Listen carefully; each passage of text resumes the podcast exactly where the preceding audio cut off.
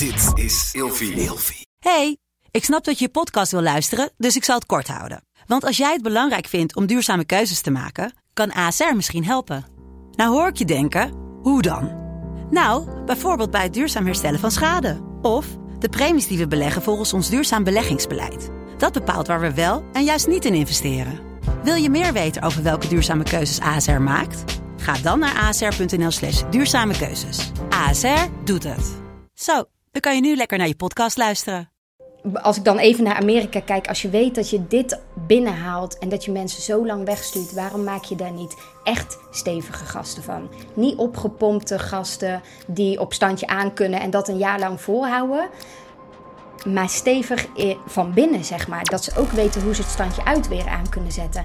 Alleen natuurlijk, ga je een jaar lang naar een missiegebied, dan kun je dat standje uit niet aanzetten, want je moet volop aanstaan. Dat is eigenlijk wat je net zegt. Lukt het je dan wel als je thuis bent om de knop uit weer te vinden? Ik had daar even hulp bij nodig.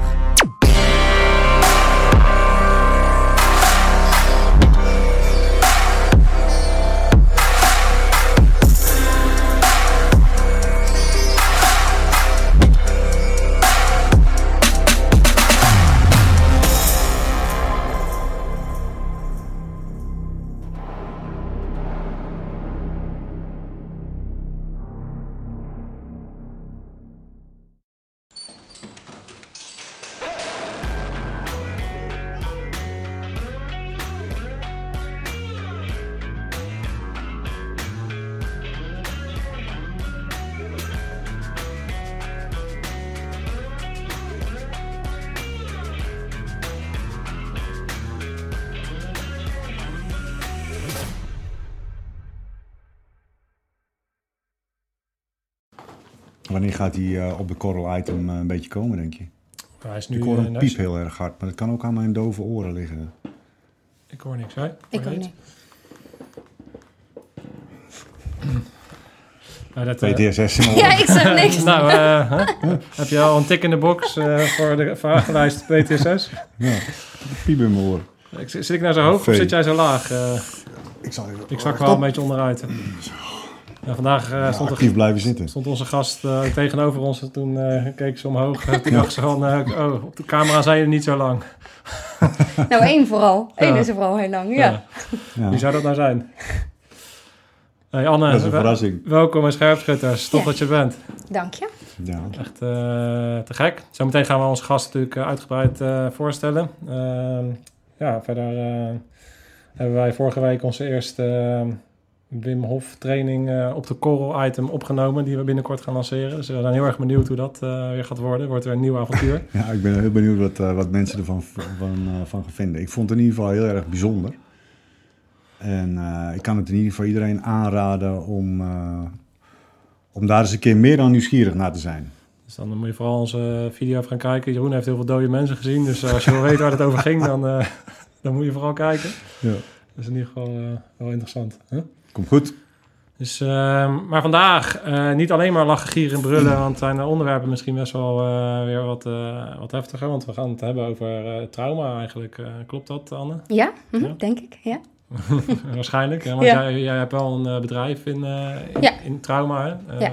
ja. Kan je jezelf even kort voorstellen wie je bent, wat je doet? Uh, ja, Anne van der Ouweland, uh, 37 jaar inmiddels. En uh, ik zeg altijd dat ik trainer in art therapy en trauma support ben. wat betekent dat? Ik ga naar conflictgebieden en daar train ik lokale hulpverleners die daar met getraumatiseerde kinderen, jongeren en volwassenen werken. Um, dat doe ik inmiddels negen jaar en sinds een jaartje ben ik ook in Nederland bezig. Oké, okay, Dat is heel kort door de bocht. Ja, ja, maar dat geeft wel meteen richting. Kijk, wat ik heel tof vind aan het feit dat jij hier nu zit, is ook weer hoe het vaak gaat. Is het gaat allemaal via via. En jij bent ook via via LinkedIn ben je weer uh, op, de, op de lijn gekomen. Hebben jij op de call gekregen, om het maar even zo te zeggen. En uh, wat ik daaraan tof vind, is omdat wij dan dus ook weer mensen en verhalen vinden die we misschien zelf niet zomaar hadden, hadden gevonden. En toen ik jouw verhaal hoorde, was ik meteen onder de indruk. En dat heeft te maken ook met het feit dat ik het, er heel veel bewondering voor heb. Uh, dat er mensen naar die gebieden heen gaan. Want je hebt in IS-gebied gezeten, Irak. Uh, nou, je kan er zo, uh, zo meteen van alles over vertellen. Maar ja, jij loopt daar natuurlijk eh, anders rond dan wij. Ik kan me nog herinneren dat ik in Afghanistan... dan was het toch wel lekker dat ik, die, dat, ik dat wapen Mhm. had. En dat ik toch wel die, die soort van... ook al is het soms natuurlijk een, eh, een schijnveiligheid... maar dat voelde voor mij altijd wel lekker. En dat heb Ja. jij natuurlijk nooit gehad. Nee. Nee. Hoe, hoe is het ontstaan dat jij naar dat, dat gebieden bent gegaan... en hoe is dat voor jou geweest? Ehm, dat is begonnen toen ik nog op de middelbare school zat en de Bosnië-oorlog bezig was. En Wordchild een van de eerste reclames maakte voor hun organisatie. En ehm, ik weet nog, ik zat eh, op de bank eh, bij papa en mam eh, uit een dorpje in Brabant. Kon ik acht uur journaal kijken en dat was ervoor of daarna, ervoor waarschijnlijk. Ehm, en die reclame waren zeg maar beelden van kinderen uit de oorlog. Dat was eigenlijk het enige. En natuurlijk een dramatische Marco Borsato eh, liedje erachter. Maar je zag alleen maar beelden van kinderen uit de oorlog. En ik zat dat dus thuis te kijken. En dat was echt het moment dat voor mij het kwartje viel. Holy shit, wat een geluk dat ik hier geboren ben en niet daar. Want dan had ik dus in die shit gezeten. En toen, eigenlijk meteen daarachteraan, kwam de gedachte: zou ik mijn eigen geluk kunnen gebruiken om kinderen die in oorlog zitten ook weer wat gelukkiger te maken? Ehm, ja, en eigenlijk ben ik daarna alles daarop gaan inrichten. Dus ik heb studies uitgekozen, zodat ik onderbouwd die kant op zou kunnen gaan. Dat zijn uiteindelijk drie verschillende studies geworden, eh, zowel universitair als HBO. Ehm, ja, en daarna in Nederland zoveel mogelijk tijdens de studies geprobeerd eh, zoveel mogelijk de rand qua doelgroepen op te zoeken. Dus jeugdgevangenissen, drugsverslavingsklinieken, ehm, asielzoekerscentra, ver voor de huidige vluchtelingenstroom. ehm, eh, jeugd-TBS, dus de jonge pijers. Dus degene die al Ja. eigenlijk de TBS-maatregelen hebben, maar nog vrij jong zijn. Ja, en toen zo snel mogelijk richting het buitenland eh, gegaan. Weet je wat ik interessant vind aan wat je nu vertelt en waar ik benieuwd naar ben, is kan jij, eh, komen je, hebben je ouders ook zoiets, heb jij een idee van waar dat gevoel bij jou vandaan is gekomen, dat jij graag op die manier je leven wilde gaan inrichten? Heb je een idee waar dat vandaan komt? Mm, ik denk echt deels vanuit eh, eh, het realiseren dat je dus geluk hebt. Hè? Dat je fijn bent opgegroeid met een fijn stel ouders en een fijne omgeving en een fijn land. Eh, ik kom uit een, vind ik, een, een lijn van sterke vrouwen. Dus dat zou er wel ook mee te maken kunnen hebben zo. Die ook begaan zijn met anderen en daar wat mee willen, wat mee willen doen. En aan de vaderskant, ja, maar dat is een hele richting die, waar ik persoonlijk niet echt iets mee heb of zo. Maar zitten bijvoorbeeld weer eh, priesters, die, ehm dus zeg maar broers van mijn oma, die al in de Filipijnen aan het werk waren. Dus daar zit ook misschien een beetje zo dat Beetje zendeling? eh, bui- ja, achtige- buitenlandachtige missieverhaal bij of zo. Ja, toch, ja. toch een beetje die, eh, die Wie weet, hoor. avonturen en het, en, Ja. en het willen. En gaan gewoon, ja. ja. Mooi. En, en wat ga je nou eigenlijk, wat, wat ga je dan studeren? Welke studies heb je gevolgd om uiteindelijk Ja. zeg maar, jezelf te bekwamen en Ja. die kant uit te gaan? Vragen meerdere mensen mij. Ehm, het lijkt vaak voor de hand te liggen dat je dan dus bijvoorbeeld psychologie studeert. Maar dat is dus de studie waar ik niet voor gekozen heb. Ik ben begonnen met culturele antropologie. Ehm, wat kun je na vier jaar dat studeren? Echt helemaal niks. Oh, dat is niet aardig voor mijn, dat is niet aardig voor mijn collega, collega cultureel antropologie. Nee, dan kun je heel veel. Waarom ik voor die studie had gekozen was, je leert heel veel over andere culturen. Leert veel over andere culturen. Ontwikkelingshulp werd dat toen de tijd nog genoemd, et cetera, et cetera. En ik dacht, als ik dat nou doe, heb ik een soort van basis om in ieder geval me in andere culturen te kunnen bewegen. Maar hoe zeg jij dat? eh, dan kan je helemaal niks omdat het Ja. te, theoretisch Niks is? praktisch. Niks praktisch. Ja, ja, ja. je kunt dan wel onderzoek doen. Hè? En natuurlijk zijn er heel veel van mijn collega's die wel allerlei praktische kanten zijn opgegaan. Maar het is vooral een heel wetenschappelijke studie, zeg maar. Tijdens die studie ben ik wel naar de faculteit psych- psychologie gegaan om daar zoveel, zoveel mogelijk vakken over trauma te volgen. Dus alles wat er was over trauma, dat was niet zoveel. Is nog steeds niet zo heel veel, maar dat heb ik wel allemaal meegenomen. Daarna ben ik iets creatiefs dus gaan studeren. Kunstzinnige therapie. Eigenlijk net zoiets als creatieve therapie, maar dan net een andere invalshoek. Omdat ik ook wat wilde bijdragen. Ik wilde wel wat kunnen. Ik had toen nog het idee, ik ga naar die landen toe en ik ga daar bijvoorbeeld therapie geven aan die kinderen en jongeren die in oorlogsgebieden zijn geweest. Maar, maar de- Zoiets. ja, nu, eh, eh, er is daadwerkelijk een, een studie, kunstzinnige... Kunstzinnige therapie, therapie. net als creatieve therapie. Ja, dat- al Ja. bij, beide termen zeg maar dan persoonlijk niks. Kan je bij jou wel? Nee, nee, nee ik, ik, ik zit met een beeld te vormen. Maar ik- Je werkt aan de hand van, in plaats van dus praten, wat vrij veel psychologen doen, hè, dus continu in gesprek met de cliënt, werk je juist met niet-verbale dingen, non-verbale dingen. Dus je gaat tekenen, schilderen, eh boetseren bijvoorbeeld. Zo is er ook muziektherapie, dan gebruik je dus muziek. Er is danstherapie. Er zijn verschillende vaktherapieën waarbij je dus alles doet, zo'n beetje behalve juist praten. En als je aan me kleit, dan, dan, eh, dan stomp je het weer in elkaar. Zeg maar. Nou, bijvoorbeeld. Bijvoorbeeld. Ja. ja, om maar wat te zeggen. Ja. Nou, Dat, dat was, ik moet, moet hem wel nog afmaken, want dat was ook nog niet genoeg. nou, ja, Om, om dit te kunnen, zeg maar. Nee, dat bedoel ik. dat, dat, dat Ja. snap ik, maar ik, ben nog wel, Ja. ik heb dan nog wel een vraag. Want eh, jij komt, ik ken je net eh, vijf minuten, eh, of misschien een, eh, iets langer. Maar Ja. ehm, je komt bij mij niet direct over als een heel erg eh weeg eh, eh, eh, typeje. Of hoe, ik weet niet of de bewoording Ja, niet... maar- zweverig. Zweverig. Dat is Ja. het, Geitenwolle sokken. Ja, geitenwolle Mhm. sokken. Ja. Vrij praktisch en straightforward en dingen. Ehm, natuurlijk eh, ben je, heb je wel iets met re- religie, misschien vanuit, ook vanuit eh, priesters in familie, weet ik wat. Nee. Ja. Dus, dus dan vind ik het best wel een bijzondere keuze ehm, om, dat, om dat te gaan doen. Want het komt Mhm. bij mij vrij alternatief over als je het zo benoemt. Mhm. Ehm, kan, je, kan je daarover vertellen, hoe, hoe ben je op die keuze gekomen en, en eh, hoe is het bevallen om zo'n studie te doen? Ik denk dat dat destijds met name was ingegeven door Wordchild. Die Mhm. toen ook al, hè, want die had ik dus altijd wel in mijn, eh, in mijn vizier, zeg maar. Omdat die dus ook veel met muziek, sport, spel, creativiteit deden. Ja. Is daar denk ik in beginsel wel de interesse vanuit gekomen. En nu ik ook een traumastudie eh gedaan heb, psychotraumatologie heb ik gestudeerd. Dat is dus een 3,5-jarige studie waardoor je traumatherapeut kunt worden. Ehm, ben ik nog beter gaan inzien. Alles wat met trauma te maken heeft, traumatische ervaringen die niet verwerkt zijn, dus de onverwerkte traumatische ervaringen, die worden opgeslagen in een deel van het geheugen wat niet verbaal is. Oké. Dan is het dus interessant, hey, wat zijn er veel therapeuten die met getraumatiseerde mensen werken, continu in gesprek Ja. met die mensen. Ja, ja. Terwijl juist dat deel van de hersenen eigenlijk niet zo heel erg veel weet heeft van wat er precies allemaal gebeurd is. En daar kun je non-verbaal, dus bijvoorbeeld aan de hand eh, van creatieve middelen of aan de hand van muziek of wat dan ook, of aan de hand van het lichaam, met het lichaam kun je ook heel goed werken, wel bijkomen. Dus eigenlijk heb ik achteraf alleen nog maar meer bevestiging gekregen ehm, van die therapiekant in ieder geval. Een soort eh, connecting the dots eh, momentje. dat vind ik ook zo mooi. En bijvoorbeeld Ja. Steve Jobs, die heeft ook ooit een keer typografie ge- gedaan. Mhm. Niet helemaal wetende waarom. En dat dan soms later... Jij hebt natuurlijk wel een beetje richting gehad, maar dat dat dan zo mooi samenvalt. En Nog duidelijker wordt. Ja. ik ook... Ik vind het super interessant wat je vertelt. Eh, ik las gisteren ook een, eh, een, een, eh, studie...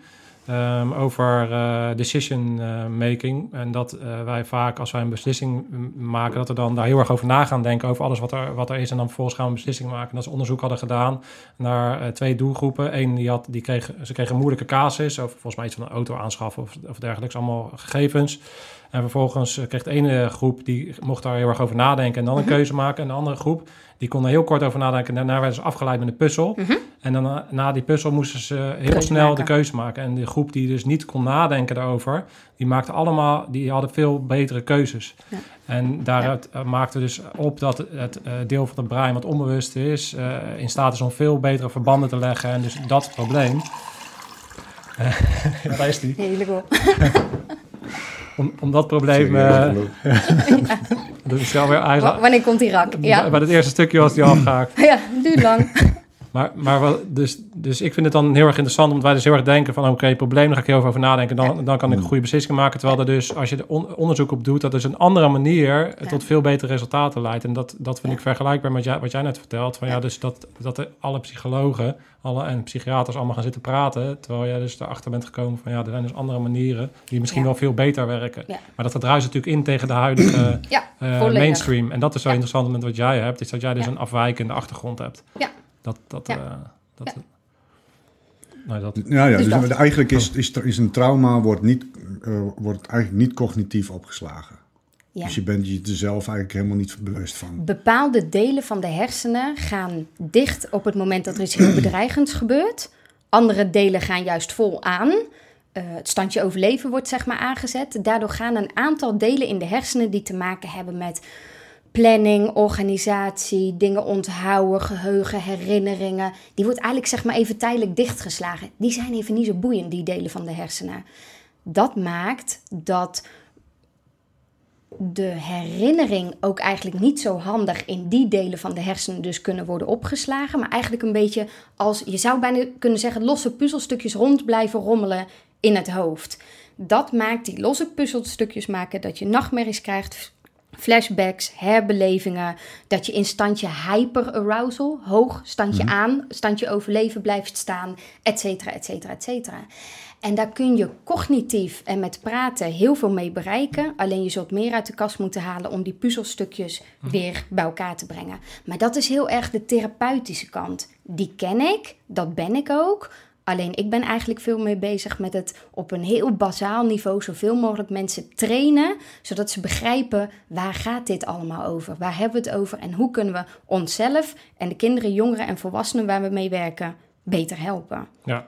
Dus ik ben eigenlijk veel meer de trainingskant opgegaan dan het individueel therapie geven. Ja, want kan je ons eens meenemen vanuit al die studies die je hebt gedaan, hoe dan uh, vervolgens de stap is gegaan uh, dat je daadwerkelijk naar de, de gebieden bent gegaan die je op tv Ja. hebt gezien als jong meisje? Ja, ehm eerste gebied waar ik naartoe ben gegaan is Nicaragua, Midden-Amerika. Geen oorlogsgebied, gewoon superarm. Mega, mega arm. In een weeshuis terechtgekomen met 285 kinderen. Ehm, en dat was voor mij echt één eye-opener.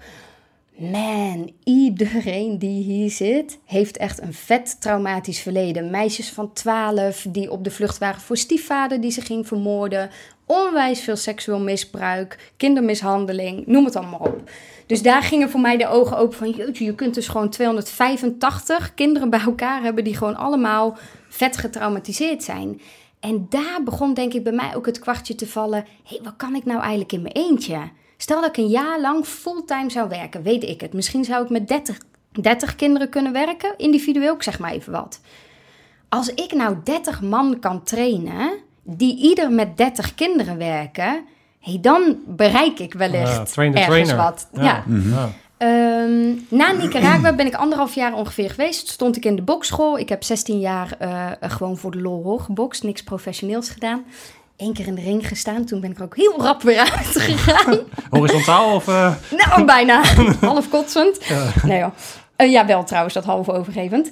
Ehm, ik stond in de bokschool en iemand vroeg aan mij, met wie ik aan het trainen was, waar ga je nu naartoe? Welk volgend gebied heb je in gedachten? En toen zei ik, ja, een beetje Afrika of zo. Ik had altijd het idee van, ik ga met kindsoldaten werken. En diegene zei tegen mij, hoezo ga je niet naar Rio? Rio de Janeiro. Ik zei, nee joh, nee, ik moet naar oorlogsgebieden. Ik moet niet naar Brazilië, daar heb ik helemaal niks te zoeken. Anne, zei die, geloof mij maar, neem eens contact op met deze organisatie en kijk eens of dat wat is. Ehm, ik heb ietsje langer dan twee jaar in Rio de Janeiro gewoond en gewerkt. En vanaf dat moment durf ik te zeggen dat ik in conflictgebieden of oorlogsgebieden kan werken. Ehm, dat is natuurlijk helemaal geen officieel oorlogsgebied. Onofficieel is het knetteroorlog. In bepaalde wijken, in bepaalde favelas van onder andere Rio de Janeiro is het gewoon dikke oorlog. Daar zijn drugsbendes, die vechten met elkaar. Die hebben bazookas, die schieten helikopters uit de lucht van de politie. Ehm, die hebben granaten. De politie rijdt met geblindeerde tanks rond. Die steken mitrailleurs naar buiten. Die maaien alles neer wat er op dat moment op straat rondloopt. En dat gebeurt in bepaalde wijken dag in dag uit. Ehm, dus dat was eigenlijk de eerste stap naar echt eh, ja, conflictgebied, als je dat zo mag noemen. Ik noem dat zo. En hoe, hoe, hoe dichtbij ben je daar dan bij gekomen? Hoe, hoe, hoe, ziet dat er dan uit? Jij bent daar dan en wat, wat doe je dan? En, en hoe, hoe raak je dan eh, raak je indirect eh, in contact met mensen die in dat gebied hebben gezeten? Of moest je dat gebied ook in? Nee, ik ging die gebieden ook in. Ik werkte voor een organisatie die verschillende projecten in verschillende wijken had. Een van hun projecten was jongeren uit de drugsbendes halen. Dat betekent dat je in contact bent met de drugsbendes. Want daar kom je niet even langs en je vist er eentje uit en je komt daar weer levend eh, terug, zeg maar. Ja. Daar moet je een relatie voor opbouwen met die eh, jonge lui zijn dat. Die worden niet heel veel ouder dan 21 jaar. Ehm, dus dat betekent dat je ja, volle bak in de sloppenwijken bent. Ik koos er wel bewust voor om daar niet te wonen. Ehm, omdat mijn thema trauma was en is, had ik zoiets van: oké, ik wil daarmee werken, maar ik hoef daar niet ook nog zelf dag in dag uit in de schietpartijen te zitten. Dus je was eigenlijk ook al met je zelfbehoud bezig. Omdat Ja. je wist dat als je continu blootgesteld wordt, dat... Ja, kan dat wat veel zijn? Ehm, ja, dus je zit er gewoon vol in en je komt dus in hele rare situaties terecht. Ehm, Kan je eens een voorbeeld noemen van situaties die krankzinnig voor jou waren op dat moment? Dat er zes politiemannen voor je neus staan die bedreigen jou dood te maken. Dat. En wa- wat, eh, wat was de aanleiding? Dat ik een colaatje je zat te wel. Ja, nee, niet- moet je ook bizarre verhalen. Dat moet je ook niet Nee, doen. Nee, in, dat- in Rio zat je cola Ja. te drinken. Ja, Ja, ja. nou, einde gesprek. Eh, ja, daar, ja, nee joh, daar gebeuren zoveel heftige dingen. Ik heb nog nooit in zo'n korte tijd zoveel mensen leren kennen die er niet meer zijn. Ehm, ongelooflijk veel mensen die worden afgemaakt. Ehm, ofwel door de drugsbendes, ofwel door politie. Eh, politie met name in Rio die echt zwaar corrupt is en echt levensgevaarlijk. Ehm, ik stond destijds liever aan de andere kant dan naast de politieagenten. Oh, ja, maar dat is ook door mijn eigen ervaring. Ze hebben dus een keer voor mijn neus gestaan. Wil je dat ik de situatie schets? Of zeg je van... Ja, ja, benieuwd. Ehm, ik had gewerkt, was op een project geweest, eh, liep de favela uit en ging met een, met een Braziliaanse collega een eh, colaatje drinken op een terrasje. Net naast de favela. Je moet je een beetje stoffige wijk voorstellen en dan weer een beetje een doorgaande weg. Aan die doorgaande weg waar wij gaan zitten. Ehm, toen kwam de Café Rang aangereden. De Café Rang is de geblindeerde tank van een van de eh, speciale eenheden van politie. Waarmee ze dus favelas binnenrijden en dan vaak begint dan de oorlog, zeg maar een beetje. Die kwam aangereden en je doet dan een beetje wat iedereen doet. En dat was in deze omstandigheid blijven zitten. Er staken geen wapens uit de tank. Ze reden met een rustig tempo. Je kunt ook niet snoeihard met dat ding rijden. Ehm, dus ik bleef ook rustig zitten. En ze parkeerden de tank ehm, voor ons aan het terras, zeg maar, waar wij zaten. Zo'n beetje waar de deur is. Dus Ja. ik zit hier mijn paar te drinken. verderop. Daar, een paar meter verderop, eh stopt die tank. Daar worden mitrailleurs uitgestoken. Die worden op ons gericht. En toen dacht ik echt, dit meen je niet. Gaan ze nu serieus gewoon je neerschieten hier? Dat gebeurde niet. Die mitrailleurs werden weer naar binnen getrokken. Daar kwamen zes ehm, enigszins eh, grote, wat dikkere ehm, politiemannen uit. Aan iedere vinger een dikke gouden ring. En met, ik zeg dat ze wat dikker zijn, omdat dat betekent dat ze goed eten en drinken. Ja, ja. Zo. Niet, ver- verder wil ik daar niks mee insinueren. Ehm, overal gouden ringen, dikke gouden kettingen. En dan weet je al, oh oh, dit zijn niet de handigste mannen. Die hebben waarschijnlijk linkjes met drugssoldaten, zitten zelf in de drugshandel, et cetera, et cetera. Ehm, zij begonnen een jongen te fouilleren die bij dat barretje stond. Ik zag dat gebeuren en zag dacht, ik weet nog dat ik dacht, oh wat goed, nu kan ik eindelijk zien hoe dit dus gebeurt. Want er werd altijd heel veel negatief over de politie gezegd. Ja, en totdat je het zelf hebt gezien, weet jij veel, komt uit Nederland, politie is toch, kun je toch op rekenen? Want je was er toen maar. nog niet zo lang, dus begrijp ik. Nee, is oh, dat was in de eerste begin. vier maanden. Ja, dat was in de eerste vier maanden. Dus die gast die gefouilleerd werd, werd flink in zijn ballen gepakt, eh, werd grof tegengesproken, et cetera, et cetera. Nou, Joch had verder niks bij zich, had een, had een eh, zwembroek aan en dat was het. Ehm, daarna werd mijn collega erbij geroepen. Toen vond ik het al ietsje minder interessant worden. Toen dacht ik, oh ja, nou zit ik hier, buitenland schietje, collega weg, die staat er ook op een rijtje, wordt ook zo aangepakt. En ik hoorde ze al vragen, wie is dat vrouwtje wat erbij is? Collega zei, die eh, komt uit eh, Nederland. En ja hoor, ook Anne van der Ouweland mocht erbij komen staan. Toen werd de vraag gesteld, heb je, kun je identificeren? Ik zei, ja, ik heb een kopietje van mijn paspoort bij me. Ik ging daar niet met mijn echte paspoort rondlopen. Kan een kopietje, mag ik die even halen? Lag in de auto. Ja, was prima. Ik nog een keer een kopietje? Ja, nee, nee, alles oké. In die meters dat ik naar de auto loop, moest ik eigenlijk, daar zagen zij niet, want zij stonden zeg maar achter mijn rug, een beetje gniffelen in mezelf. Dacht, Ja hoor, word ik hier, ehm, eh, ben ik ineens verdachte van een gewapende roofoverval. Want ze zouden op zoek zijn naar iemand die net een gewapende roofoverval had gepleegd. Ik moest daar een klein beetje om gniffelen, zo in mezelf. Nou, ik loop terug met het kopietje van mijn paspoort en een van de zes eh, begint tegen mij. En dan hangt er dus een dikke mitrailleur eh, op zijn buik en wordt je uitgescholden en wordt er eh, aan je gevraagd of je mee de tank in wil met hen zes. En dat ze jou wel even mee zouden nemen. Ehm, en dat er een kans is dat er daarna niet meer zo heel veel van je over is. En toen dacht ik echt, schiet mij maar hier ter plekke neer. No way ga ik mee in die tank met zes van dit soort mannen. Dan weet ik wel hoe dit verhaal eindigt. Doe dan maar gewoon hier. Dat dacht ik, dat zei ik niet. Ik zei vooral heel veel sorry. Nou, ik denk dat dat twee minuten duurde. Niet heel lang, dat duurt in je hoofd 20 minuten, maar dit is uiteindelijk maar twee of drie minuten. En toen was het geintje klaar. Toen lieten ze zien, hebben ze laten zien wie ze zijn. Rekenden ze hun biertje af en vertrokken de mannen weer. Dat is een beetje een geintje voor hun. Een beetje, Ja. een beetje rommelen. Een beetje een dag. Laat eh, zien wie ze zijn. Ja. Ja. Ja. Toch netjes dat ze even afrekenen. Ja, vond ik ook. Nee, vond ik ook. Past namelijk echt helemaal niet in het Ja, verhaal. maar dit, maar dit, dit, dit, dit- dit zijn natuurlijk verhalen die, eh, die, die, die, zijn bijna niet voor te stellen voor, eh, voor ons in Nee. Nederland. Gekoppeld aan de, hoe de, de politie hier is en, Ja. eh, en werkt. Ja, dat is waanzin. En Nou ja, dat het, is, doet... het is een beetje een extreem. Kijk, als je in Bali als toerist en je rijdt zonder helm, dan heb ik heb dat ook wel eens meegemaakt. Dan word je aangehouden als een vent, inderdaad, met zo'n kooknagel en eh, een beetje. En dan gaat hij ook. En uiteindelijk willen ze gewoon een paar knaken zien. En dan Oh is het wel, ja. wel, wel oké. Dus in die landen, ik ben ook wel in Venezuela en dat soort landen geweest, is, is dat op zich, kan dat als toerist, kan je dit gewoon gebeuren. Maar dit is wel een vrij extreem eh, voorbeeld. En zeker voor jou ehm, is dat natuurlijk een eerste encounter Ja. met het soort ja, het soort eh, geweld. En dus niet direct geweld, hè, maar het is een soort, soort eh, manipulatief eh, geweld. Kijk Ja. hoe ver je kan gaan. Ja. En mensen die in Bosnië hebben gezeten en daar hebben, zullen daar ook allerlei dingen Ja. mee hebben. Dat, dat steeds verder die grenzen opzoeken. Ehm, en aan alle oorlogsgebieden gebeurt dat natuurlijk. Ja. Dus het is, het is wel... eh, Ja, het is, het is heel heftig voor op het moment dat je dat overkomt. Had je dat op het moment zelf of had je daarna dat je ineens realiseerde wat er gebeurd was? Kan je dat nog herinneren, wat het met je deed? Ja hoor, ja, ja. Op het moment zelf dacht ik dus ook echt dat het einde verhaal zou zijn.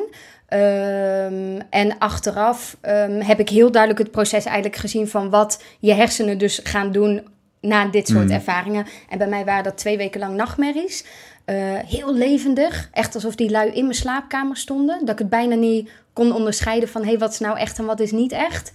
Ehm, en dat werd gedurende twee weken steeds minder. Ik deed mijn verhaal, probeerde mijn verhaal te vertellen aan mijn vriend, aan familie, aan je ouders, aan een beste vriendinnetje, et cetera, et cetera. Dus voor mezelf steeds meer proberen het verhaal van A tot Z in kaart te brengen. En dat heeft mij geholpen. Want je wist dat dat de manier was, de beste manier om daarmee om te gaan vanuit je Ja, ik wist dat dat op dat moment, dus bij acuut trauma, als er echt net iets heel heftigs is gebeurd, dat dat kan helpen. En dat het eigenlijk een van de weinige dingen is die zo in zo'n acute situatie je hersenen eigenlijk een beetje kunnen helpen. Het juiste het duwtje kunnen geven, de juiste richting op, juiste- zeg Maar je bent nog niet eh, dingen gaan eh, eh, kleien of zo. Nee, nee, Dat is een geintje, maar... nee. Ja, je hebt Nee, nog maar niet- dus acuut, acuut trauma in die wetenschap is het dus goed om eh, dat voor jezelf eh, terug te halen in een gesprek met anderen. Rustig aan je verhaal proberen te doen aan mensen die je vertrouwt. Ja. Niet de hele dag door overal raaskallen over wat er is gebeurd, zo ook niet. Maar rustig aan aan je partner van A tot Z proberen in kaart te brengen. Hè, hoe ging dit nou eigenlijk? Wat was hier precies gebeurd? Een dag later is aan, weet ik het, een beste vriend of wat dan ook. Dat is eigenlijk bij acuut trauma een van de weinige dingen, maar helpende dingen die je dan kunt doen. Ja, en ik heb dat destijds eigenlijk ook meer van nature gedaan. Dat doe je Mhm. vaak Ja, ook. ja. Als jullie straks naar huis... eh, Ja, niet een- iedereen doet dat. Nee, maar, Maar jij, jij dus blijkbaar wel. Ja, oké, ja. nee, niet iedereen doet dat. Maar we, we, eh, we hebben natuurlijk eh, in, in, in andere gesprekken ook eh, met eh, mensen die, die PTSS uiteindelijk Mhm. hebben opgelopen. wel de vraag gesteld van, goh, zou je dit zeg maar aan de voorkant kunnen opvangen? Mhm. Hè, om te voorkomen dat het gebeurt. Maar is het dus, ehm, eh, jij geeft in feite nu al een beetje eh, een handreiking. ja. Wat Ja, een mogelijkheid zou kunnen. Het is niet de- oplossing. Ja, oké, maar eh, eh, trauma's, eh, hè, als je bij, eh, bij justitie werkt of je bent eh, bij, bij Defensie, word je uitgezonden. De kans dat je daar in een traumatische eh, gebeurtenis of een, een traumatische ervaring eh, opdoet, is heel erg groot. Mhm. Als je daar dus in, eh, op korte termijn niks mee doet, Ja, maar het is nog steeds achteraf, toch? Ik snap Ja. wat je bedoelt. ja, het is maar- achteraf. Maar als je er dus acuut, hè, dus een- je hebt een acuut trauma, als Ja. je er dan in, in, op, op een korte tijd binnen een, eh, Wat een handigs vertrouwelijke setting ja. Maar die kennis is er denk ik wel. Ja, binnen die kennis is er, denk ik. nou goed. Ja. Ik denk dat toch, Ja. ik denk, denk dat dat ehm, wel iets is wat Ja. oh, binnen die wereld al wel bekend is. Ja, dat, dat, als het dat goed is, wordt daar praten, eerste juist lijn, tweede lijn en, eh, en vervolgens eh, dat hele collegi- colle- collegiaal netwerk van de mariniers bijvoorbeeld Mhm. en dat eh, trim-concept van de BSB, die Ja. zijn allemaal opgericht om dit principe volgens mij op te vangen. Ja. Kan je dat bevestigen vanuit jouw ervaring binnen Defensie? Ken jij die wereld? Nee, Wereld Nee? van Defensie ken ik niet. Eh, ik heb sinds kort iets wat met politie te maken. Als in dat, er, dat ik één of twee mensen in mijn netwerk heb die ik getraind heb. Eh, die bijvoorbeeld weer met politie, met PTSS werken. Ik denk dat er vooral aan de voorkant ook heel veel gedaan kan worden. Dus juist op het preventieve vlak. Wat jij nu zegt, je weet eigenlijk als je op missie gaat... dat de kans super groot is dat je heftige dingen mee gaat maken. Ja. En daar kun je heel ver op getraind worden. En alsnog zijn er dingen waar je niet op getraind kunt worden. Dat is gewoon omdat we mens zijn. En omdat je alsnog in een situatie kunt komen die ineens heel onverwachts is. Super bedreigend, anders dan dat je dat voorheen getraind hebt, et cetera, et cetera. En ik denk dat je juist aan de voorkant in het voortraject Nou, ik, ik wil dan zo Mooie meteen. Zou je daarover kunnen vertellen wat dan hetgeen is wat, wat je aan de voorkant, zoals Jeroen beschrijft, Mhm. eh, zou kunnen doen? Het enige wat ik nog heel veel afmaak van Ja. het verhaal wat je net had, is: ehm, je hebt dus iets gedaan. Het vertellen is dus de acu- acute behandeling, als het ware, die je bij jezelf Mhm. hebt toegepast. Mhm. Eh, heb je daarna, na die eerste twee weken, ook nog een andere aanpak gehanteerd om dat trauma verder te verwerken? verwerken? Nee, het is, wel, het is wel een grappige vraag. Nee, want Anne van der Ouwland is ook gewoon mens. Eh, en ik besloot dus daar te blijven. En bij mij is op een gegeven moment in die twee jaar of tweeënhalf jaar dat ik in Rio woonde, gewoon standje aan aangegaan. Standje alert. Overleven maar in deze hap hier waar ik in zit. Ehm, en juist een beetje verdoofd raken daarin ook emotioneel. Dus toen, eh, weet ik het, ehm, jongen nummer, ja, ik weet echt niet, 17 eh, in het rijtje was neergeschoten, 17 keer door zijn hoofd was geschoten, terwijl ik daar de dag ervoor nog een eh, biertje mee zat te drinken in de wijk, of een colaatje of wat dan ook. Ehm, toen begon ik bij mezelf te merken, oh, eh, raar was dan mijn reactie. Hmm, gek. Jeetje, daar was ik gisteren nog mee. Nou, en dan ging ik maar weer door. En ik merkte wel bij mezelf apart deze reactie. En ik had het daar ook wel met iemand over. Ik had een supervisor, dus iemand die ik af en toe kon bellen. Ja. En die zei ook: Ja, Anne, dat zul je nu nodig hebben. Want als je dit nu niet zo hebt, dat een beetje zo half verdoofd eigenlijk iets aannemen en maar weer gewoon doorgaan, dan stap je nu het vliegtuig in en ga je naar huis. Want je zit in een bizar gekke wereld daar. Ja, maar dat Ja. is dus heel erg Dit is- interessant. dit- dit is precies waar wij dus op Dit stuk is zwarte lopen. humor. Ja, maar met Dit zwa- is- zwarte humor. Maar het is Met ook- zwarte humor lossen wij dit soort dingen op.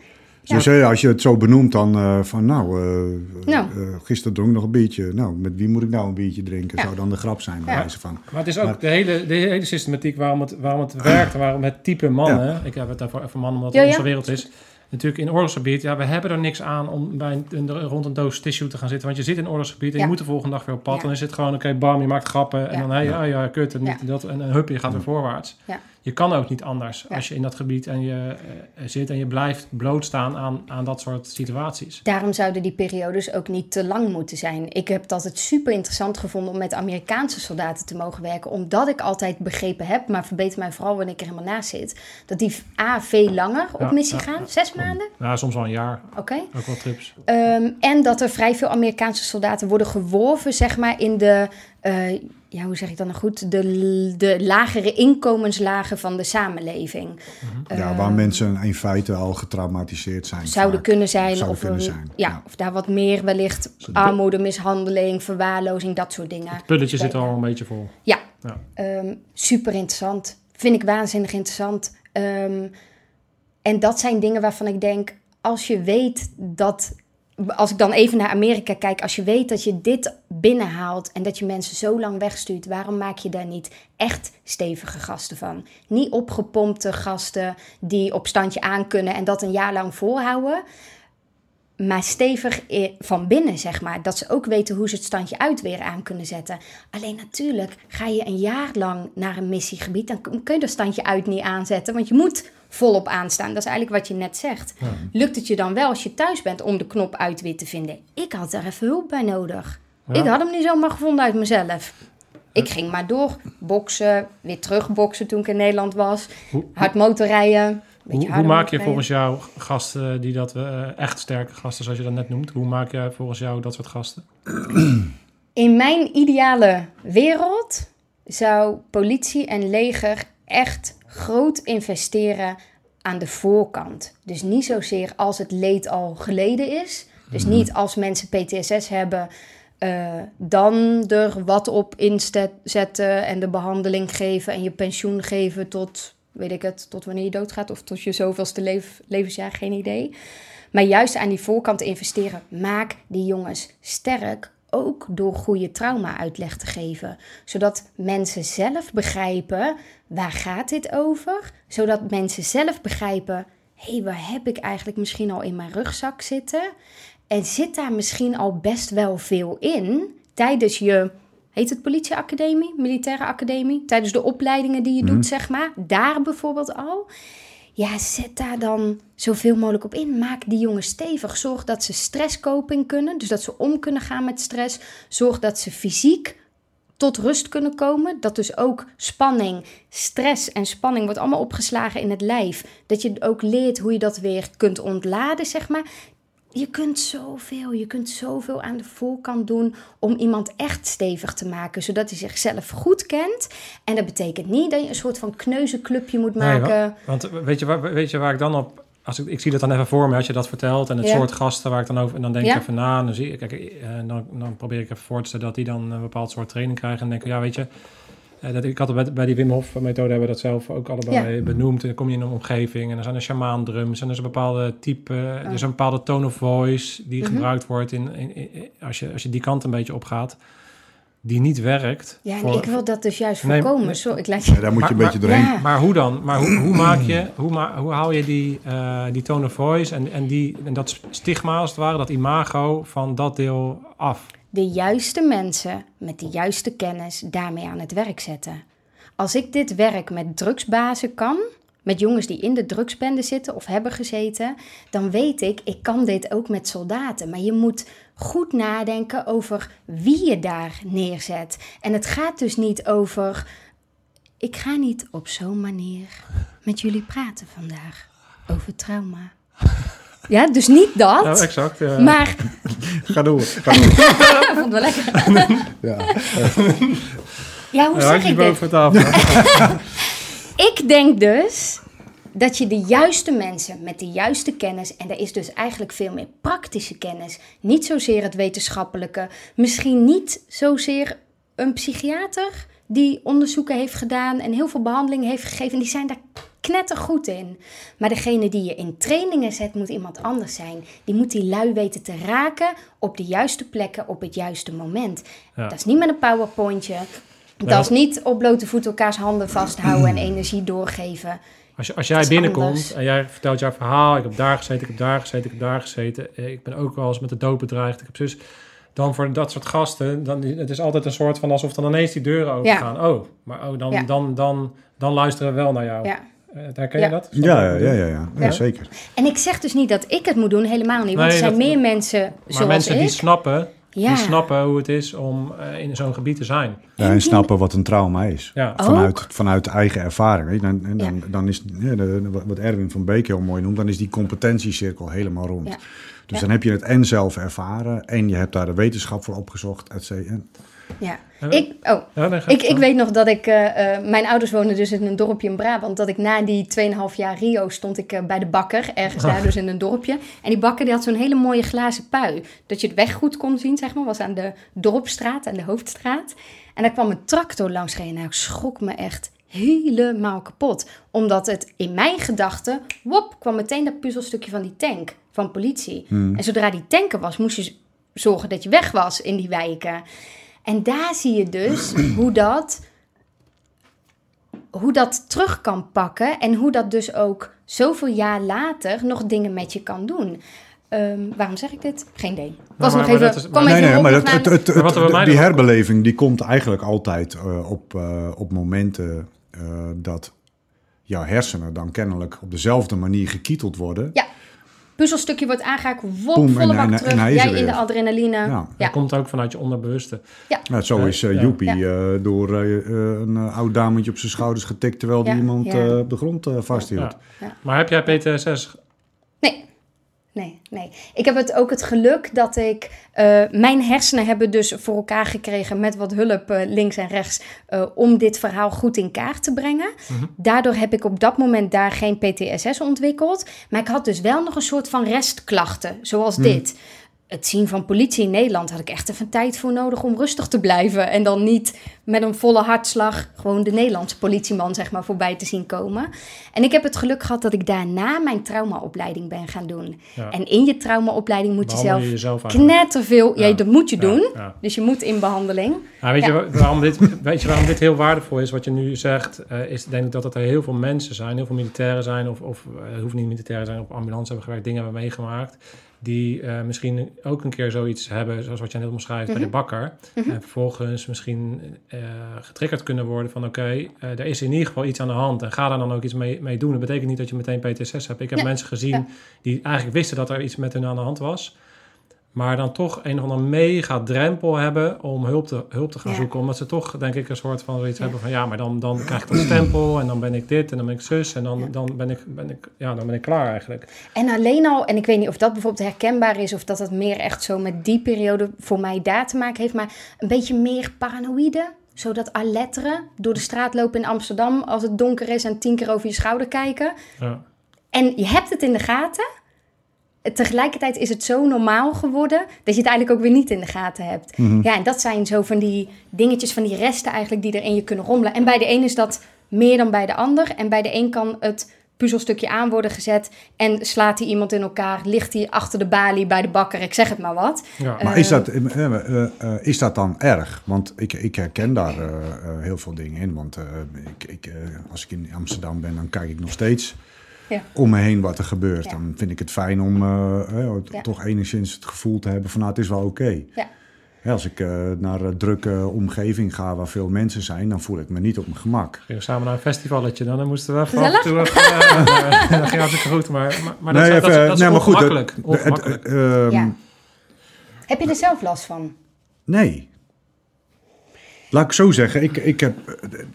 eh, Nou, in Ben- die, ben- zin, in die zin, ik heb mijzelf heel lang eh, allerlei leuke feesten ontnomen. Want hè, ik ben Oh ja. vorig jaar met Mark voor het eerst eh, naar eh eh, Defcon geweest. Ja. En, eh, Leuk. Ja? Oh, Ja, nee, maar Ik goed. ben echt een mega Dat, oude ehm, ik. ja, leuk. Ik, eh, ik heb daar wel eh, uiteindelijk eh, heb ik daar wel heel erg van genoten. Ja. Het kostte Ja. een paar biertjes, Ja. omdat het met name van die, van die festivalbiertjes waren. Die, eh, snap je? Die niet Nee, maar uiteindelijk ehm, eh, heb ik daar echt wel van genoten. Oh. Zeker. Dus ja, Ik heb je er last van? Ja. Ik denk dat een, van, dat een van de cruciale vragen zoiets zou moeten zijn. Heb je er last van? Heb jij er zelf last van? Of merk je dat de mensen om jou heen er last van hebben?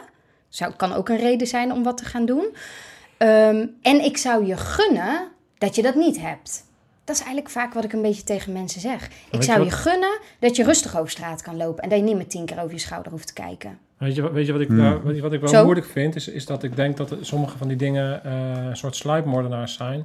En dat de, degene, de dingen waar je last van hebt, dat je die weg hebt gestopt in een ander hokje. En dan noem ik maar bijvoorbeeld ehm, dat je continu heel erg druk zit te maken over dat je te laat komt. Of dat je ergens een enorme stress over voelt, maar dat het Ja. inmiddels al zo normaal voor je geworden Ja. is.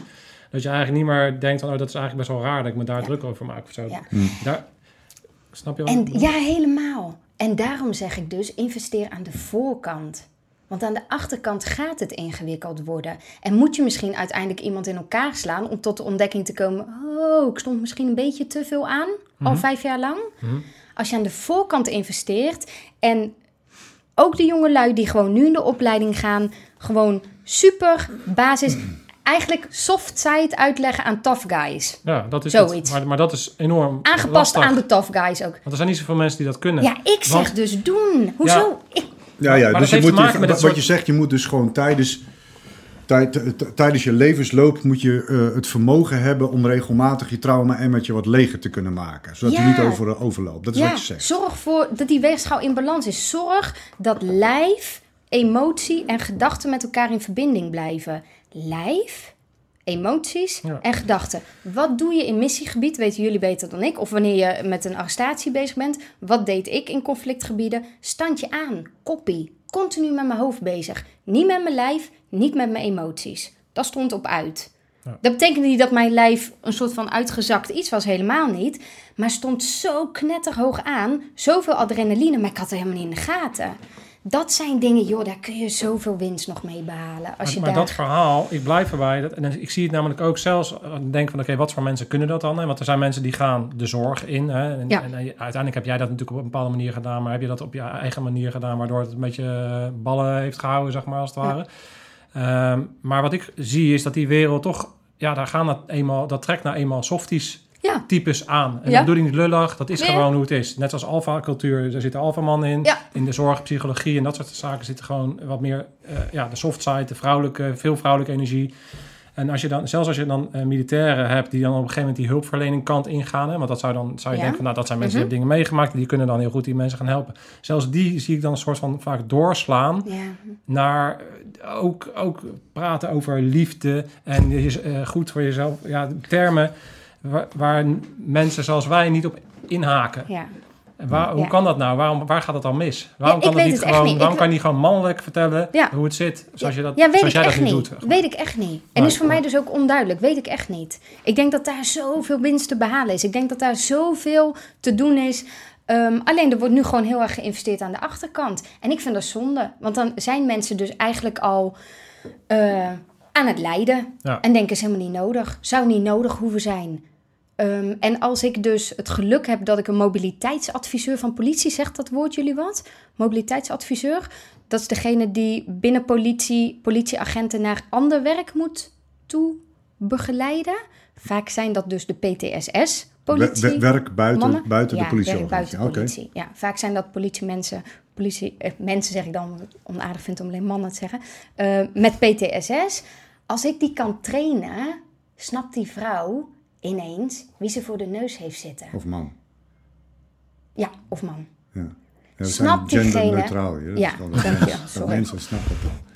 Snapt diegene ineens, hé, hey, wat is PTSS eigenlijk? Wat heb ik hier voor mijn neus zitten? En wat kan ik daar wel mee? En wat kan ik daar misschien nu even niet mee? Ja. Wat heeft zo iemand nodig? Ja, ik vind het echt Ja. bizar eigenlijk dat ik degene ben die dat soort trainingen mag geven. En die mensen deze praktische kennis mag geven. Wat kun je met mensen met PTSS en nog veel beter wat zou je eigenlijk ervoor kunnen doen? Ja. Als een school mij belt, ik ben dus met een Bosnië-veteraan in Nederland aan de slag gegaan. Pas Ja. een jaartje nu. Mhm. Dus los van dat ik nog steeds naar conflictgebieden ga, ehm, ehm, zijn wij in een, hebben wij in een jaar tijd trainingen in Nederland opgezet en ook begeleidingen. Ja, ik vind dat echt kicken. Dan een jaar geleden een school ons belt en die hebben het over Mohammed van 10 uit Syrië die de hele boel kort en klein slaat. Iedere dag opnieuw. Dat ze niet meer weten wat ze met een jochie aan moeten en dat hij eigenlijk van school af moet. En dat was dan al speciaal onderwijs waar hij op zat. Dus er is dan al een beetje meer zorg en een beetje meer tijd en aandacht en geduld. Dat ik tegen die directrice zeg: heb je nog ietsje langer? Kun je nog ietsje langer volhouden? Geef me even de tijd. Geef ons even de tijd. Ik het hele team heb mogen trainen van die school. Individuele coaches heb mogen zetten. Traumasensitieve coaches, dus mensen die wat weten over traumawerk, op dat jongetje. En dat hij een jaar later op school zit. Daar dus is gebleven. Niet van school is gestuurd. En dat het weer goed met hem gaat. Dat hij weer rustig is. Dan denk ik, ja, daar doe je het toch voor? Mhm. Ik heb in Amsterdam een college mogen trainen, 60 man, van een, eh, dus het personeel van een college, allemaal leerkrachten, die zeiden, Anne, als we dit hadden geweten, hadden we echt een aantal jongens niet van school gestuurd. Er is gewoon een gebrek aan praktische kennis. Kennis is er veel. Maar wie gaat dat aan 60 docenten uitleggen van een middelbare school? Wie gaat er naar zo'n school waar een Syrische Mohammed de boel kort en klein slaat? Dat mist. Tenminste, zie ik. Wie legt het dus aan politiebegeleiders uit? Nou misschien wat zit er wel trauma eigenlijk ja, zo iemand, eh, zo- zo'n jochie eh, komt dan eigenlijk gewoon, eh, hè, wordt van school gestuurd, komt dan in de jeugdzorg terecht. Ja joh, dan weet je zelf hoe dat Die traject wordt verder naar een gaat. of andere organisatie gestuurd. En, en, en, en, en, en ook die organisatie weet niet wat ze ermee aan Nee, moeten. En voor je het weet, dan ben je vijf jaar, tien organisaties verder en heb je niks opgelost. Ja, die zet de kleine Mohammed in een isoleercel met een beetje geluk. En wat leert hij daarvan? Hoe gaat het dan daarna Ja, met hem, ja. et cetera, et cetera. Ja, is gewoon super sneu. Ja, nog veel te doen. Hey, en, eh, kan jij ons nog, want jij gaf aan dat je met drugsdealers hebt gewerkt in, eh, en eh, dat soort gangmembers Ja. in eh, Brazilië. Kan je Mhm. nog ons wat meer meenemen? Want je hebt best, best wel lang en vaak naar verschillende gebieden geweest. Wat voor soort gebieden ben je nog mee nog meer geweest? Eh, Brazilië eigenlijk heel lang, eh, maar dat is toevallig zo gelopen. Dus naast 2,5 jaar daar wonen heb ik de afgelopen zeven jaar, zes, zeven jaar daar ook nog af en aan gewerkt. Eh hebben een hele opleiding gegeven aan 34 man. Een driejarige opleiding hebben we daar mogen geven. En die gaat dan in verschillende modules. Dus dan reisde ik daar iedere keer naartoe. Dus Brazilië ben ik lang gebleven. En in Irak ben ik vijf keer geweest. Voor IS, tijdens IS en na IS.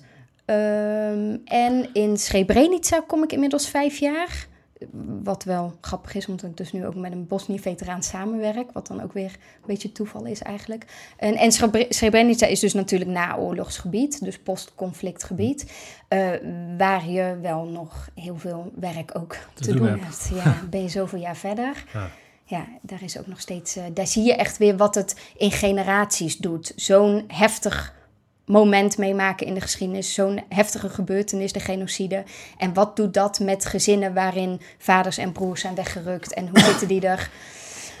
Hoeveel jaar verder zijn we? 20? 25? 25 bijna? Kijk, kijk je dan ook naar zo, dat soort situaties met, als je het over- hebt over verschillende generaties, naar systemisch eh, werk bijvoorbeeld? Eh, Ik ben geen systeemtherapeut. Alleen het systemisch werken wordt meegenomen in het hele traumawerken. Ja. Ja. Ehm, vaak als je eh, lastige kinderen hebt, is het heel interessant om de ouders eventjes ehm, uit de kast te trekken. dat zeg ik zo even heel ja, voorzichtig. ja. Ja. Ja, ik vind het. hè, de, eh, eh, ik heb, dat, eh, ik heb in Amsterdam eh, meegewerkt aan een eh, project in de jeugdzorg. En wat mij daar heel erg sterk opvalt, is dat het vergrootglas eigenlijk direct op het probleem gaat. En eh, dat het daar dan ook een beetje stopt. Oh, je hebt paniekaanvallen? Nee, nee, nee, nee. Dus eh, eh, een kind heeft een bepaald gedrag eh, op, eh, op school. Dat gedrag is opvallend en kan niet getolereerd worden. Dat is een probleem. Dan proberen ze binnen de be- bepaalde setting proberen ze dat te veranderen. Dat verandert niet. Probleem, Ja. weg. ja. En traumasensitief betekent, alle gedrag heeft een goede reden. Exact. Wat is de goede Het reden van dit gedrag? vandaan. Ja. Ja. En, ja. en- En en- dan kom je heel vaak in trauma terecht. En, en, maar ook heel vaak bij de ouders. En dan Ja, moet je ja. waarop ouders met zo'n jongere omgaan. Ja. Of wat er, eh, wat er relatie is geweest tussen ouder en, en, jongeren. ja, ja. En ik vind het. ehm, wat ik aan de ene kant bizar vind en waar ik aan de andere kant super blij mee ben, is wat ik in het buitenland heb zien gebeuren. Dus eh, ik heb projecten gezien die knalden van de agressie. Ehm, in Brazilië bijvoorbeeld. Dus projecten waar jongeren of jonge kinderen werden opgevangen voor en na schooltijd ja, er was gewoon dat een en al agressie vanuit de mensen die daar werkten naar die kinderen toe, onder die kinderen, onder elkaar, echt in het gezicht spugen, op elkaars hoofd trappen, ehm, knetterhoge agressie. En als je daar inzicht geeft en als je die werkers uitlegt, waar hebben we het eigenlijk over? Wat hebben jullie eigenlijk? Wat speelt er bij jou allemaal? En wat speelt er allemaal bij die kinderen? En je brengt dat praktisch en duidelijk, niet ingewikkeld, zo simpel mogelijk, dat daar gewoon rust komt op die projecten. Ja, dat vind ik te gek. Die gastjes, die moeten overleven. Al die kinderen daar, die moeten op standje aanstaan. Maar ze krijgen ook een plek waar dat standje aan heel even uit mag. Ja, is gewoon te gek. Dat is gewoon te gek dat ze ook gaan zien, zo kan het ook, dit mag ook. Ja. Standje aan hebben ze buiten op straat nodig. Dat moet je niet weghalen. En dat is eigenlijk precies hetzelfde een beetje als wat jullie zeggen. In missiegebied heb je dat standje aan nodig. Tijdens een arrestatie of wat dan ook. Dan kun je niet een soort van, nou maar even een keer ademhalen hoor. Even terug in mijn lijf. of. Ja, het is gewoon onzin. Dat gaat niet. Even een ijsbadje nemen. Nou ja, het moet vooral heel praktisch zijn. Ja. Ja. En En kun je daarna ook praktisch, en misschien ook wel snel, ook weer terug? Ja. Of blijf je in dat standje aanstaan? En dat kan, dat is voor die kinderen in oorlogsgebieden het gevaar. Dan krijgen ze ADHD, concentratieproblemen, slaapproblemen, et cetera, et cetera, et cetera. En dat is misschien voor ons ook een gevaar. Zit, zit er cultureel verschil in trauma? Zag jij verschillen tussen eh, hoe, hoe een trauma zich ontwikkelt en wat de uitingen waren in bijvoorbeeld Brazilië en Irak? Nee, cultureel zit er geen verschil in trauma. Alle mensen werken zo'n beetje hetzelfde. De hersenen van mensen werken, werken hetzelfde. Alleen, ja, je aanpak is wel wat anders. Ja, ja. In Irak is alleen al het woord trauma, moet je een beetje rustig aan meedoen. Je kunt ook even over stress hebben, in plaats van meteen over trauma. Omdat daar misschien nog andere eh, beelden zijn bij, hé, wat is trauma? Oh, nee, dan heb je de duivel in je zitten of zo. Oh, Ja, moet ja. de duivel uit je gaan? Ik zeg maar even wat. Dus tuurlijk moet je daar cultuursensitief wel wat voorzichtig mee zijn. Ja. En, en, en en, ehm, daar heb je natuurlijk ook mee te maken als je hier in Nederland aan de slag gaat met mensen die uit die cultuur komen. Ja. En dat is dat ook is- ingewikkeld. En dat, dan kan je ook bijna niet ver- verlangen van een, een school waar ze omgaan met bepaalde eh, problemen. Mhm. Dat, ze, dat ze ook die kennis hebben om dan met eh, dat soort dingen op de juiste manier om te gaan. Of vind jij, jij vindt van wel? Ja, met, als je twee dagen een team traint, ben je al zo ver. Ja. We hebben het niet over een training van vier jaar of zo. In twee dagen kun je zoiets stevigs al neerzetten. Het zijn gewoon echt tools. Die je. Ja? ja. Ja? Basisinfo, praktisch, bam, bam, bam, er doorheen knallen. Praktisch aan de slag. Wat kun je hier nou in de praktijk mee? In twee dagen kun je gewoon superveel aan neerzetten. Maar ik denk dat het belangrijkste is, is dat Ik je... denk dan, waarom niet? Zo Ja. eigenlijk. Ja, ja. Waarom niet doen? Ja. dat, eh, Ja, nee, ik denk dat het heel belangrijk is, is dat, eh, dat, dat, dat mensen die met dat soort kinderen werken... zich realiseren dat het gedrag wat een kind laat zien... voor het kind heel normaal is. Ja, ja, ja. Dat jij er anders over denkt en Ja. dat het in zo'n groep niet past, Ja. prima. Ja. Maar voor het kind is het normaal, dus moet je erachter komen waarom dat zo is. Ja.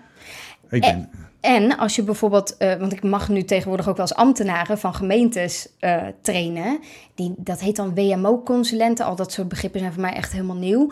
Eh, dat zijn degenen die bepalen volgens mij of er geld besteed mag worden voor een bepaald kind of een ouder of wat dan ook. In ieder geval ambtenaren van de gemeente.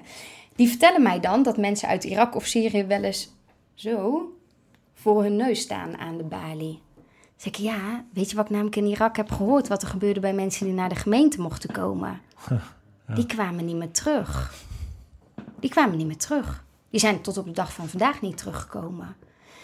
Als je iets wat uitleg kunt geven, snappen die ambtenaren ineens... Ja, tuurlijk staat zo iemand te trillen als een rietje voor mijn neus. En weet je wat? Ik ga er wat over zeggen.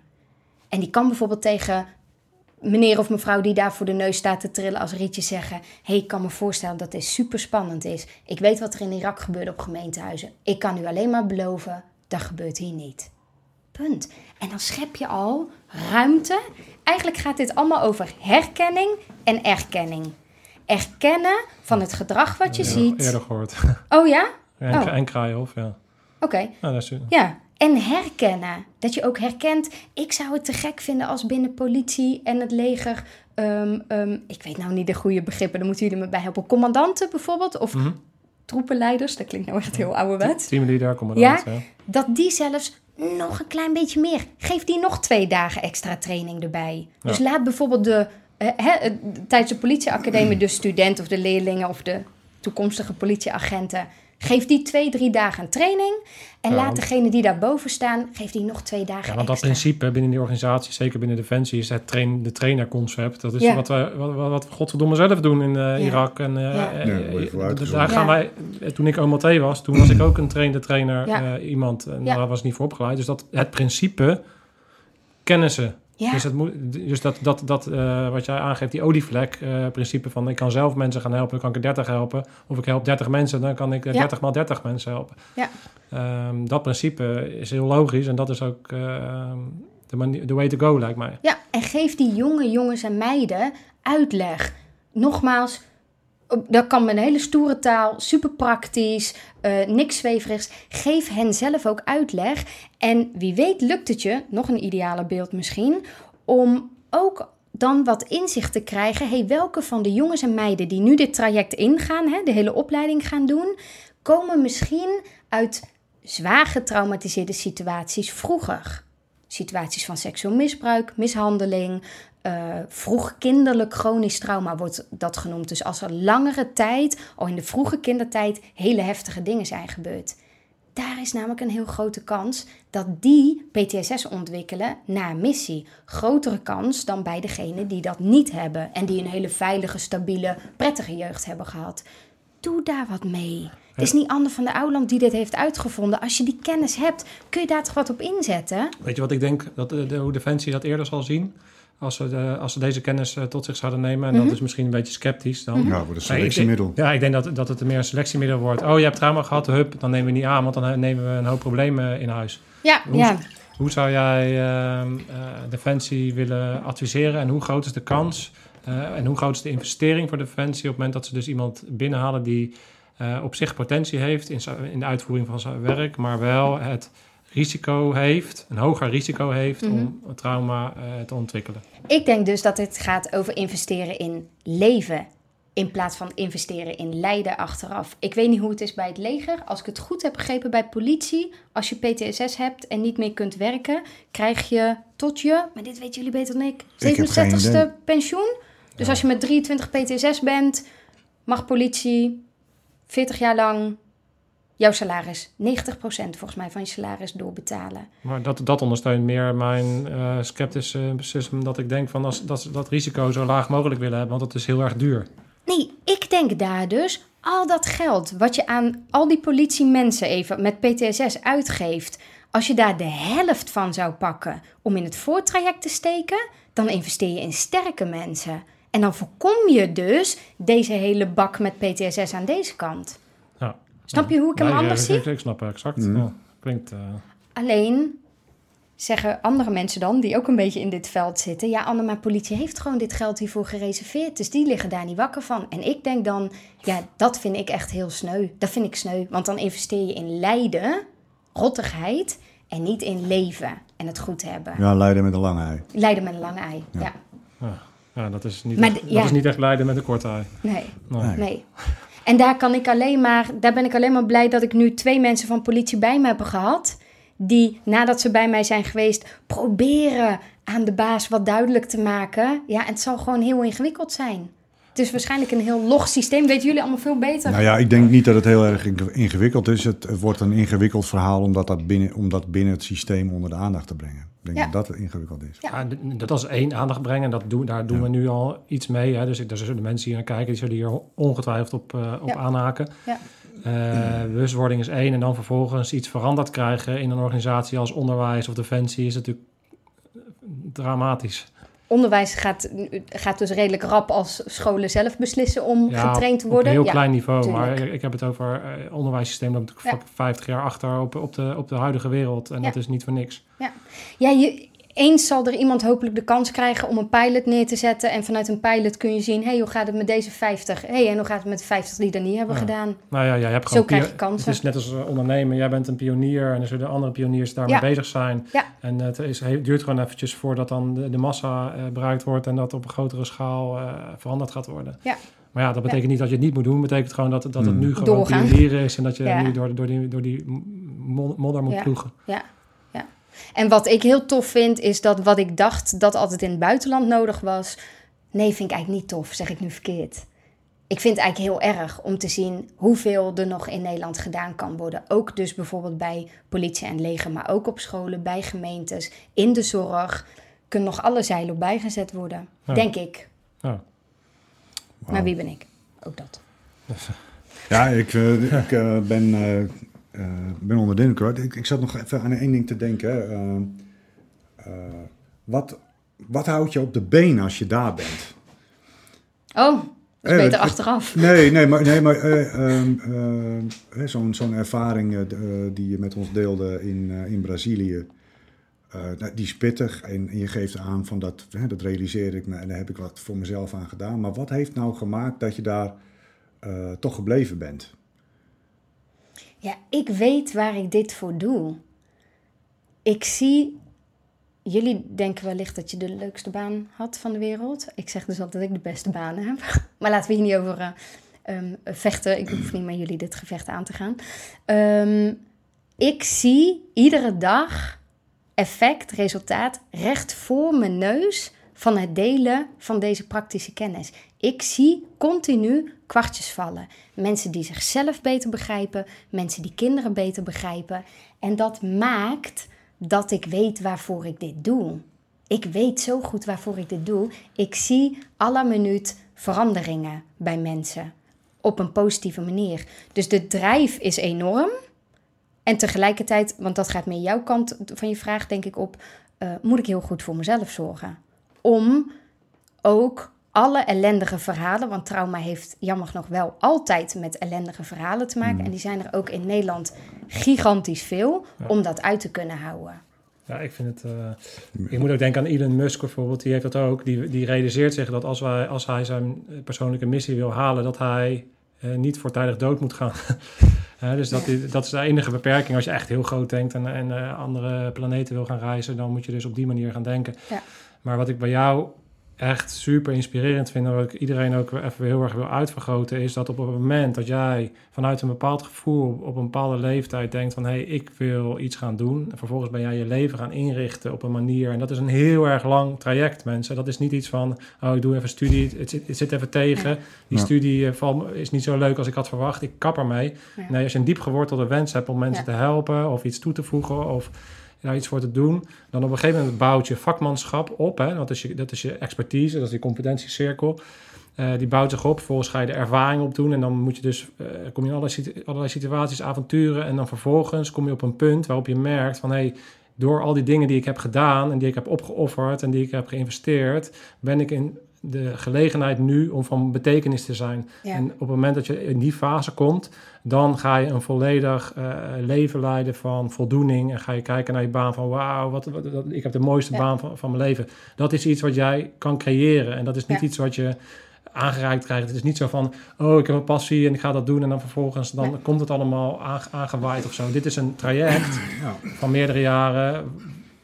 Ja, en jij bent daar, als jij er zo tegenover me zit en dat allemaal zo vertelt, ben je een soort blauwdruk van eh, ja, hoe dat gewoon klopt. En hoe je, hoe je dus dat gevoel van vo- voldoening en betekenis kan creëren. Ja.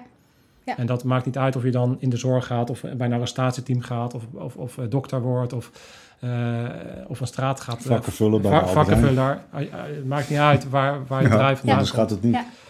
En dat zal wellicht in het werk dat jullie hebben gedaan en wat ik ook doe, eh, misschien ook een klein steekje ergens los moeten zitten. Er is natuurlijk een risico dat er wat gebeurt. 100%. Als je op missie gaat, als ik naar die oorlogsgebieden ga, er is een kans dat ik op het verkeerde moment op de verkeerde plek ben. En ik heb dan altijd tegen mijn ouders en tegen mijn vriend gezegd: als dat gebeurt, want dat kan gewoon gebeuren, jammer genoeg kan ik daar een kogel ook door mijn hoofd heen krijgen, weet dan dat ik altijd heb gedaan wat ik het liefste doe.